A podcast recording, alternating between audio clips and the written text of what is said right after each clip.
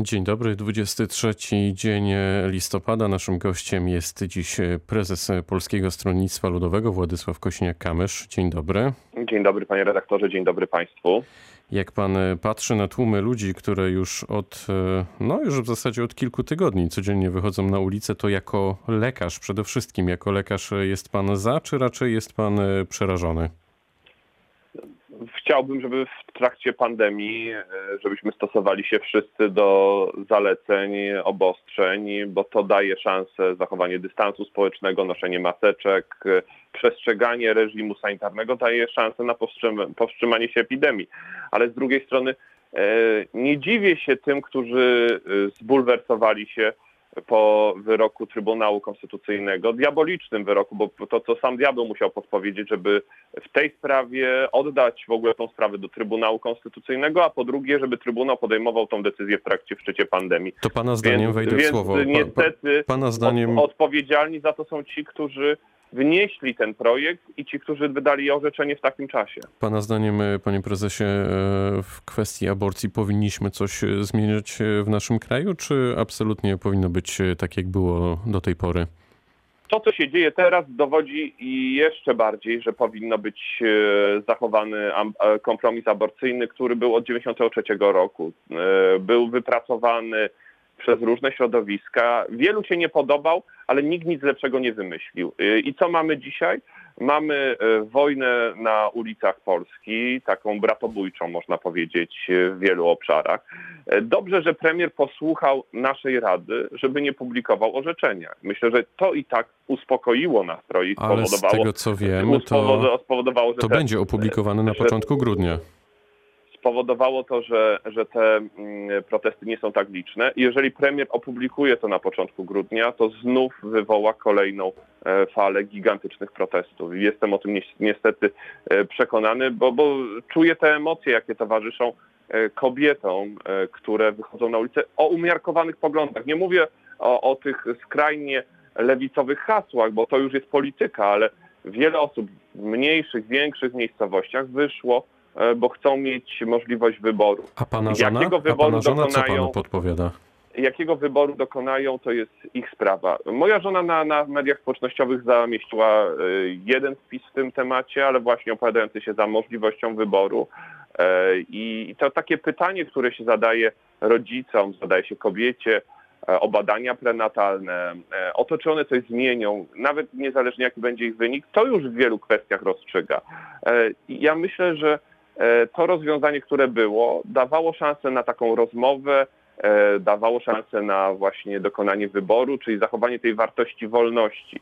Ale wiele osób dokonywało wyboru, nawet nie przeprowadzając badań e, prenatalnych, decydując się na urodzenie dziecka. Kim my jesteśmy, żeby rozstrzygać wszystko, co, co powinno być regulowane sumieniem w aktach prawnych? No, to, to myślę, że że dzisiaj y, doszliśmy do takiej ściany, gdzie chcemy mieć wszystko zapisane w ustawie, w rozporządzeniu, e, a wykluczamy nasze myślenie, nasze sumienie, naszą wolność. To pędzimy dalej, e, panie prezesie. A czy jako lekarz rozważał pan e, dołączenie do no, do innych e, kolegów e, po, po fachu w którymś ze szpitali w ramach walki z koronawirusem? W ogóle była oczywiście, taka propozycja? oczywiście, że tak. Ja, ja zgłosiłem e, akces do mojego szefa, do mojego profesora. No, co prawda od prawie 10 lat nie jestem aktywny na co dzień w medycynie jako lekarz. Od 10 lat nie, nie pracuję w szpitalu, ale zgłosiłem do tego oddziału, na którym pracowałem, oczywiście ten ten akces, e, jeżeli tam zajdzie taka potrzeba, ale jeżeli by była też e, potrzebne wsparcie, myślę, wolontariackie, to każdy dzisiaj polityk, każdy poseł, niezależnie czy lekarz, pielęgniarka, ale każdy prawnik też może się przydać, jak będzie taka sytuacja, która będzie wymagała rzucenia wszystkich e, sił i środków. Oczywiście ja mam swoje obowiązki jako szef klubu, szef partii, parlamentarzysta. Staram się być w tych sprawach bardzo aktywny, żeby zabiegać o tych, których głosu nikt nie słyszy. O salowe, e, o tlenowych, o pracowników, którzy są na pierwszej linii, którzy nie są wymieniani w żadnych, nawet gestach wdzięczności słownych, a już nie mówię o docenieniu finansowym. Jak pan ocenia strategię rządu w walce z koronawirusem? Bo w sobotę premier Mateusz Morawiecki ogłosił 100 dni Solidarności. To oznacza, że jak dziś rozmawiamy, no to jeszcze przed nami tych dni 98.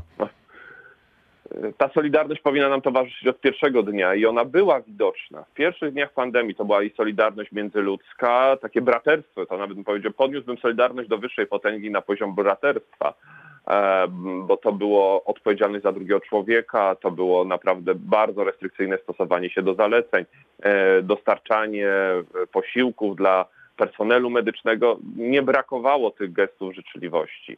E, później było inaczej. No i niestety rząd trochę zawinił, ponieważ zaczął e, formować tezę, że wirus jest w odwrocie, że on nie jest taki straszny, że epidemia jest pod kontrolą, żebyśmy żyli normalnie. No to chcieliśmy żyć normalnie i, i niestety otwarcie szkół zakończyło się tragicznie. Wszystkie badania dowodzą, że największe źródło transmisji to był wrzesień, otwarte e, szkoły, nawet nie jakiekolwiek wyjazdy, na pewno nie siłownie czy, e, czy teatry, tylko otwarte e, szkoły. Więc teraz te 100 dni Solidarności brzmi moim zdaniem niewiarygodnie, jest spóźnione. Ja przytoczę słowa posła Sośnierza, bo one bardzo dużo oddają. Dla tych, którzy nie znają, to jest poseł klubu Prawo i Sprawiedliwość, kiedyś szef kasy chorych na Śląsku, naprawdę osoba mająca się na rzeczy, wiceprzewodniczący Komisji Zdrowia.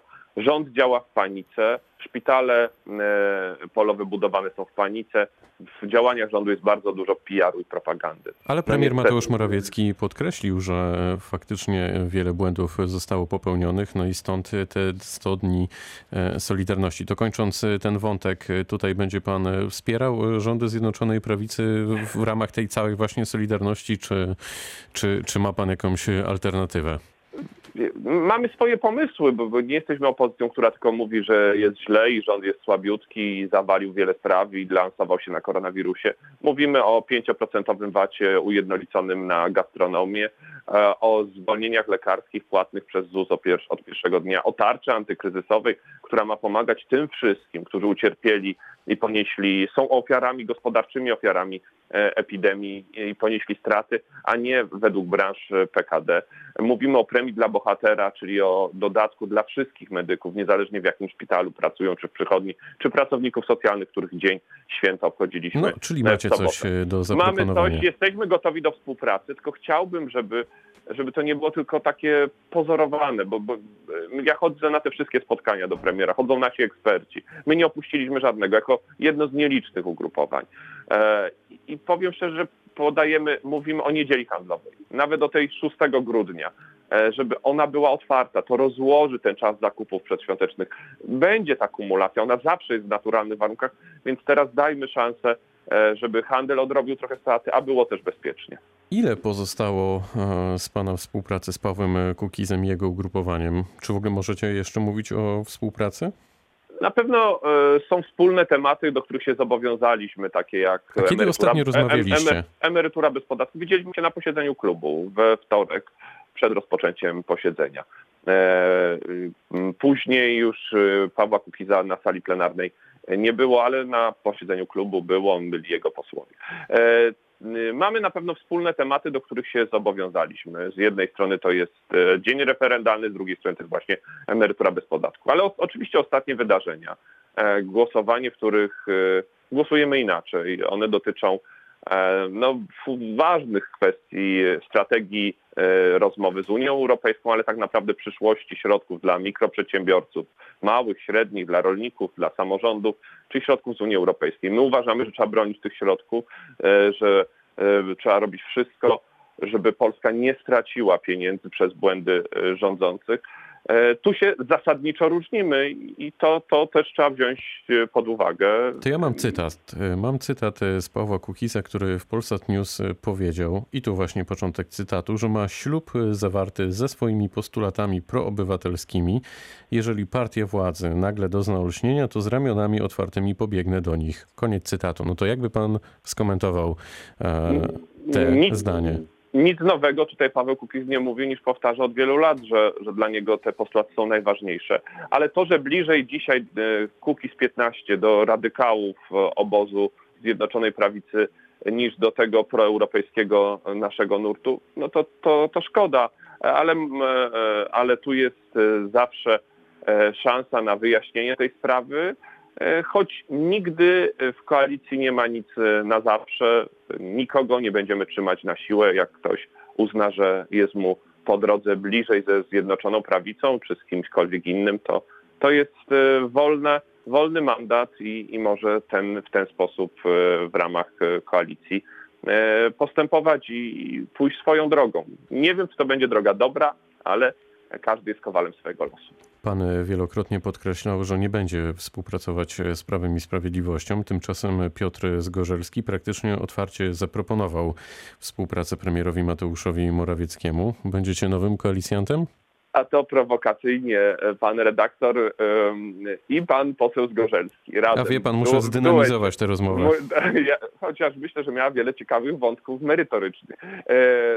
To jest oczywiście e, oferta, którą składa nie tylko PSL, ale cała opozycja, że poprzemy ustalenia ze szczytu, które wynegocjował pan premier Morawiecki. Niech on nie ogląda się na radykałów w swoim obozie, niech ją odrzuci e, i będzie miał wsparcie w Sejmie, to nie, nie 30, nie 40, ale E, ale setek głosów za tym, co wynegocjował e, w 21 lipca, kiedy podjął decyzję o największej integracji e, Polski z Unią Europejską od czasu traktatu lizbońskiego. No to inaczej pana podejdę, panie prezesie. Gdyby tak zadzwonił jest. do pana inny prezes, prezes Jarosław Kaczyński lub ktoś z jego otoczenia, co, co by pan odpowiedział? Rozważałby pan cokolwiek? Naprawdę naprawdę Zjednoczona Prawica widać, że ma się dobrze. Szkoda, że ster rządów przejął tam od prezesa Kaczyńskiego nie premier Morawiecki, tylko e, Zbigniew Ziobro. On jest dzisiaj głównym rozgrywającym, narzucającym narrację, decydującym o kierunkach polityki wewnętrznej i zewnętrznej. E, politykiem e, jest,